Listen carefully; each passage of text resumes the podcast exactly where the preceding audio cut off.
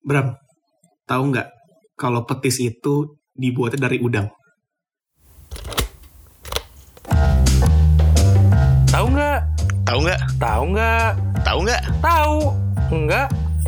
Foodcast cerita makanan.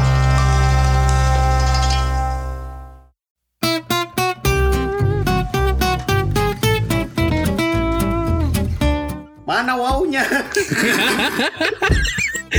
gue kira kita podcastnya pakai video Zak. Jadi gue lagi ekspresi mikir kok bisa udang petis sih?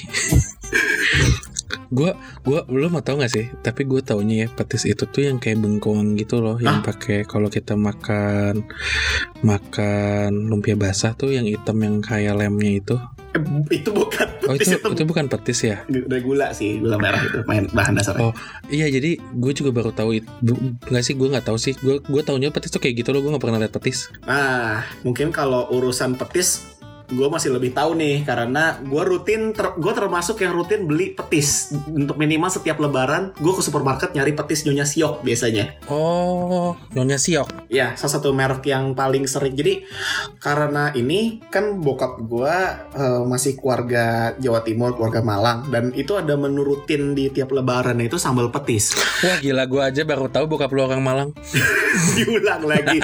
Nih, dari episode kemarin bahas mulu bokap gua orang Malang baru tahu. Tapi eh, sambal petis tuh rada beda sih. Kalau ini ya mungkin orang pikir kan sambal itu biasanya eh, konsepnya itu kayak cabe, tomat, bawang, diulek kayak gitu atau di habis itu ditumis kah atau gimana lah. Cuma kalau sambal petis itu rada unik kalau gua. Jadi tuh bahan-bahannya gue lupa apa aja. Tapi apa sih ada bawang merah, ada bawang putih, pakai cengek nggak Nah, cengeknya itu nggak di blender. Eh, jadi cengeknya itu adalah dicemplungin nanti pas udah digodok paling terakhir. Kenapa dicemplungin terakhir? Kasihan dong. Ya, jadi makan sambal rasa sambal petis itu sambelnya nggak eh, kayak semacam liquidnya itu tuh nggak pedas, tapi pedasnya dengan lu makan ada cabenya, cabe kayak cengeknya gitu satu dipotokan lu makan. Hmm. Tapi gue nggak tahu ya ini sambal petis yang lumrah di Malang atau hanya di keluarga gua. Cuman eh, kalau di keluarga gue sih ada bahan bumbu-bumbunya, gue lupa bumbu halusnya apa aja, itu di blender. Mm-mm. Nah, habis di blender ntar bakal ditumis dulu di kapel, habis itu ditambahin santan Mm-mm. sama eh eh, tambahin santan sama petis. Eh, adonan petisnya itu kan sebenarnya dia itu kayak dibuatnya dari produk hasil pengolahan makanan gitu. Jadi dari bahan bakunya itu dipanasin sampai jadi cairan kuah yang kental nyampe kayak saus pekat terus kadang ditambahin eh, karamel gula batok gitu. Jadi warnanya sampai hitam petis tuh. Nah, rasanya sebenarnya ada manisnya. Oh. Dan karena rasanya itu arak manis dan ada gurih dari udangnya, itu jadi biasanya dipakai penyedap makanan. Entah kayak contoh kalau di Jawa Timur, daerah Jawa Timur tuh banyak banget tuh yang pakai uh, pakai petis. Me- tapi meskipun di Jawa Timuran banyak pakai petis, di Jawa Barat pun juga sebenarnya ada yang pakai petis kayak Apa kupat tuh? tahu petis. Kup- eh, tapi kan pasti bukan dari Jawa Barat nggak sih kupat tahu petis? Oh nggak deng ya dari. Kupat tahu petis Jawa Barat. Oh iya dong. Lu mau tahu nggak hal mengejutkan lagi apa? Jadi gue baru inget Ah, waktu gue kecil, gue taunya tuh petis itu betis. eh enggak sih tahu pet, eh, kalau kupat kalau makanan tahu petis itu memang ada dari Semarang jadi Iya tahu kan? dia eh, dalamnya ada petis tapi kalau yang kupat tahu yang kayak yang biasa buat sarapan orang Bandung itu kan sebenarnya masih Jawa Barat sebenarnya kalau seingat gue Iya ya dari Singaraja, dari Ah. dari ya daerah situlah Tasik. Heeh. Nah itu makanya kalau di gua itu bisa tadi sambal petis tadi itu habis gua tumis bumbu halusnya tambahin santan campurin petis nanti tambahin sereh. Jadi rasa yang dominan dari sambal petis kalau yang gua, keluarga gua itu rasa petisnya, rasa serehnya sama eh, santannya. Tapi pasti gurih banget sih itu. Wow ya, itu biasanya buat jadi campuran kalau makan lontong pakai eh, apa sih kayak sayur walu, Nggak suka lontong. ya lontong atau ya oh bisa pakai nasi juga kok kalau lebaran biasanya kalau udah hari keberapa tuh udah lontong udah habis pakai nasi kok makan Gue pernah nyoba nggak sih ya? Gue tuh kayak kayak kayak lagi mikir keras gitu. Oh petis tuh dari udang. Kok selama ini gue nggak mati ya makan petis ya? Karena kan gue alergi udang. Makanya itu yang jadi dari tadi tuh sebenarnya gue kayak diem doang. Kayak kayak gue kayak gue lagi meresapi informasi ini. Petis itu dari udang. Terus gue suka makan petis. Kok nggak "Oh, mati?" Kok nggak mati gitu? Karena gue punya temen loh, dia kalau makan kacang mati. Mm-mm. Pacarnya tuh overprotective banget. Padahal kalau gue pengen lihat aja sekaratnya gimana. Biasa kalau gue gitu. Eh, tapi eh, kalau ngomongin petis ya, itu sebenarnya kan kalau diolahnya itu di ban- daerah Jawa Barat ya, itu jarang dan kayak masuk ke taste orang eh, Sunda, orang Jawa Barat tuh rada-rada susah ke sambal petis karena di keluarga gua kalau misalnya kan gua lebaran di Bandung, Mm-mm. tapi karena bokap eh, apa sih suka sambal petis, gue juga jadi suka sambal petis Oke. juga. Biasanya di eh, tetap lebaran tuh gue tetap masak kalau sambal petis. Nah di Hmm. keluarga gua tuh biasanya nggak ada yang suka makan sambal petis karena ya mungkin nggak masuk ke seleranya orang Sunda juga. Tapi gue pikir kupat tahu petis ada dan itu khas Jawa Barat. Nah eh, kalau petisnya sendiri sih banyaknya kalau di Jawa Timur dipakai kayak di rujak cingur, tahu tek, tahu campur juga pakai ternyata gue lupa kemarin tuh tahu campur juga pakai petis. tahu campur kan pakai juga ya. Tapi Zak gue ada pertanyaan lagi nih terkait petis. Hmm. Hmm. Biasa kan kalau di Jawa Timur itu orang bikin pakai petis itu karena dia punya pantai ya, Iya iya. iya kan? Di Bandung ngambil petisnya dari mana? Dari supermarket.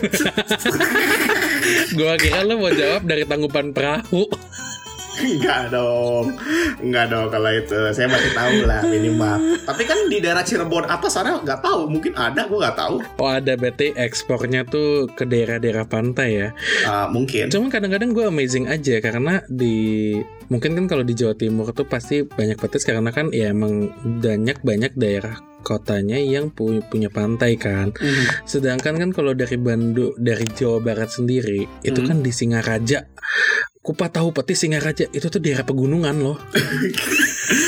Di kata Singaraja nggak ada supermarket, ada Bram, ada. Ah, jangan, jangan sembarangan. Di Bandung juga ada Bika Ambon dari Medan ada yang jual. Supermarket mengubah segalanya. Ya, tapi balik lagi kalau misalnya petis itu sebenarnya termasuk bahan yang sering lah dijadikan olahan-olahan di makanan-makanan. Cuman mungkin banyak orang nggak tahu kalau itu ternyata berasal dari udang. Sampai bernama pun yang artinya alergi udang nggak tahu. Sumpah karena karena gue nggak ada alergi ya. Mungkin juga faktor alergi di udang itu udah mati kali ya. Karena kan tadi lu ceritain proses bikin petis aja lama men. iya iya. Godoknya kan lama sampai kental. Habis itu tambahin lagi ada karamel dari gula batok juga. Dan porsinya juga Bram karena eh, penggunaan petis tuh sebenarnya sedikit aja tuh udah ada rasanya. Mm-mm. udah ada rasa petis ya. Mungkin karena ta- kom- eh, takaran dikit juga ya. Jadi lu nggak segini eh, efek alerginya nggak parah juga mungkin Mungkin nggak ada yang tahu Mm-mm. sih. Heeh. Gue masih masih shock aja. yes minimal ada sesuatu hal yang baru di sini tumben-tumben yang tahu nggak bukan dari gua eh bukan dari drama Beneran loh gue shock banget loh. Sumpah. Tapi petis sama pecel apa bedanya ya jadinya ya? Nah, pecel kan dasarnya kan mainnya ke bumbu kacang ya. Mama, justru petis itu dicampur jadi bahan campuran. Kadang-kadang kayak gue kemarin kan ngebahas terkait tahu tek pali. Oh, oh. Itu kan sebenarnya bahannya kayak bumbu kacang, kayak bahan ketoprak lah makan Uh-uh. bumbu kacang itu. Tapi eh, kalau ketoprak itu kan biasanya cuma bawang putih, cabe, terus ini garam sama bumbu kac- kacang alusnya aja. Nah ini sama dia tambahin lagi petis, kurang lebih kayak gitulah maininnya. Buat ngasih ada elemen rasa baru di bumbu kacangnya itu sendiri. Sama kayak rujak cingur juga kayak gitu. Kalau kalau rujak cingur petisnya takaran lebih banyak, seingat gua. Mungkin untuk mengcounter rasa dari cingur ya yang agak-agak bau juga kan bau merengus juga. Cingur tuh nggak bau kok walaupun bekas-bekas ingusnya dikit gitu. ya tapi eh, dari sini sih eh, dari para lapar juga jadi tahu nih kan kalau petis itu sebenarnya berasal dari bahan baku dari udang. Ada juga sih yang ikan kalau nggak salah tapi banyaknya yang dijual sih petis udang. Gua baru lebih tahu lagi ada pakai bahan baku ikan. karena sumpah, aduh, karena sumpah di otak gua tuh petis itu bener-bener yang kayak di di lumpia basah itu tuh gue kira petis loh. Bukan seidiot itu. Terus gue merasa bodoh banget. Kenapa? Kenapa itu? Dari dulu sampai sekarang kenapa gue mempercaya itu adalah petis? Aduh, itu gula merah. Itu lumpia loh. Ya tapi dari situ jadi kalau misalnya para lapar ada yang ke supermarket nih nih jadi fokus utama di episode ini tuh bukan petis ya supermarket mengubah segalanya. Supermarket mengubah segala. Jadi kalau para lapar ke supermarket lihat ke bagian bumbu-bumbu kalian perhatikan ada bentuknya kayak kayak apa itu bentuknya cup kayak cup kecil gitu lah se eh, cup, cup kecil gitu segenggaman kecil. Itu ada nama ada petis tuh ada banyak brand-brandnya. Kalau gue sih biasanya eh, petis yang paling enak tuh Nyonya Siok. Dan kalau lebaran nah ini nih Bram. Gue juga berpikiran kan orang Bandung gak suka petis. Gue kalau lebaran gue pasti diwanti-wanti eh, menyokap kalau beli petis Nyonya Siok jangan mepet hari H lebaran. Pasti pada habis supermarket. Nah, aneh kan? aneh. Itu aneh loh. aneh Itu aneh. Mungkin karena mereka nggak mau makan petis pas lebaran, mereka beli hanya untuk disimpan biar nggak ada yang beli. Nggak, berarti banyak yang eh, tinggal di Bandung pun eh, ada orang Jawa Timur juga mungkin kangen makan petis jadi pada mungkin. beli. Dan memang ada banyak merek-merek terus kayak tergan tiap brand itu konsentrasi udangnya rasanya juga beda-beda. Mm-mm. Itu ngebikin kalau misalnya gue udah kepepet banget contoh Nyonya Siok dengan takaran gram yang sama eh, itu gue nggak bisa dapetin rasa yang sama dengan petis yang lain. Oh. Biasanya tuh takarannya sampai dua kali lipat gue.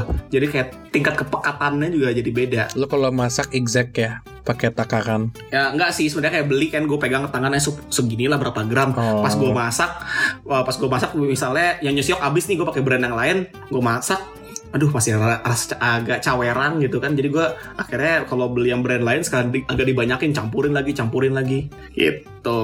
Ya tapi bahkan ya Bram ada juga Bram. Petis yang di Madura itu dibu ada juga pakai lorjuk atau kerang bambu.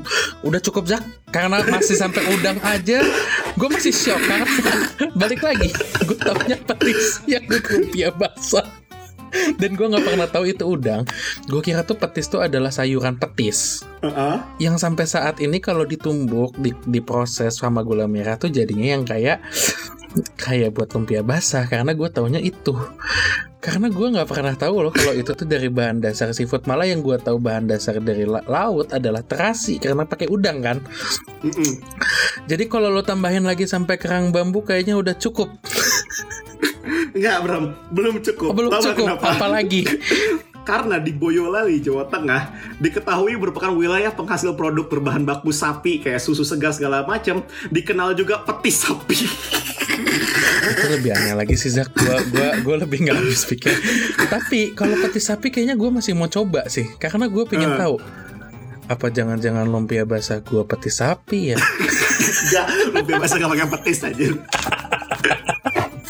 Ya, jadi kalau petis sapi itu dari hasil sampingan proses pembuatan dendeng sama abon sapi. Nah, emang amisnya beda sama petis udang segala macam, tapi ada juga kita ada petis sapi itu. Nih, Sapi apa amisnya sih? nggak tahu maksudnya beda kan sapi kan ha- hampir gak ada amis Oh. Eh, gak ada amisnya beda sama Makanya. amis dari udang Besok gue bikin petis marus. Tapi eh, dari sini juga gue pun juga kaget juga ada petis sapi gue pun baru tahu sebenarnya gue pas lagi baca-baca terkait petis anjing gak ada petis sapi kalau petis lorjuk gue masih tahu ada pada ini udang apalagi udah sering banget Wah gue nggak tahu. Sumpah ini menjadi informasi yang sangat bermanfaat di kemudian Ya. hari. Heeh. kita nggak tahu mungkin ada para lapar yang alergi udang dia tidak tahu kalau petis itu mengandung udang Contohnya gue. Heeh. untungnya lu gak kenapa-napa. Iya. kalau ada para lapar yang lain gimana? Makanya. Gue bersyukur sekarang umur sampai 20-an Gak mau kasih tau agak Iksek Iksek.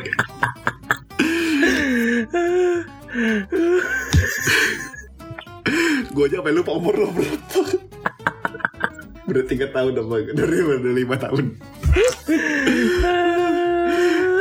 ya udah setidaknya akhirnya di episode tahu nggak yang sekarang ada enlightenment baru dan sumber dari gue biasanya gue terus yang amazed sama informasi baru Oh biasanya Iya Nah, kita lihat minggu depan nanti episode tahu enggaknya bakal siapa lagi nih yang bakal amazed sama episode tahu enggak.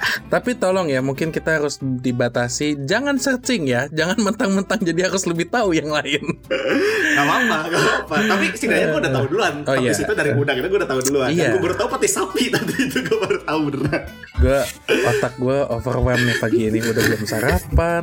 Dengerin lo tapping makan. Aduh. Ya udah deh kalau gitu sekian untuk episode tahu nggak kalau petis itu asal dari udang. Dan kalau kalian suka sama episode ini jangan lupa untuk di share di Twitter cerita underscore makanan. Foodcast cerita makanan adalah Instagram kita. Instagram gue zaki.muhammad Ramadan Brahma, Instagramnya Brahma. Pusing gak lo? Thank you for listening to this episode Until next time. Stay hungry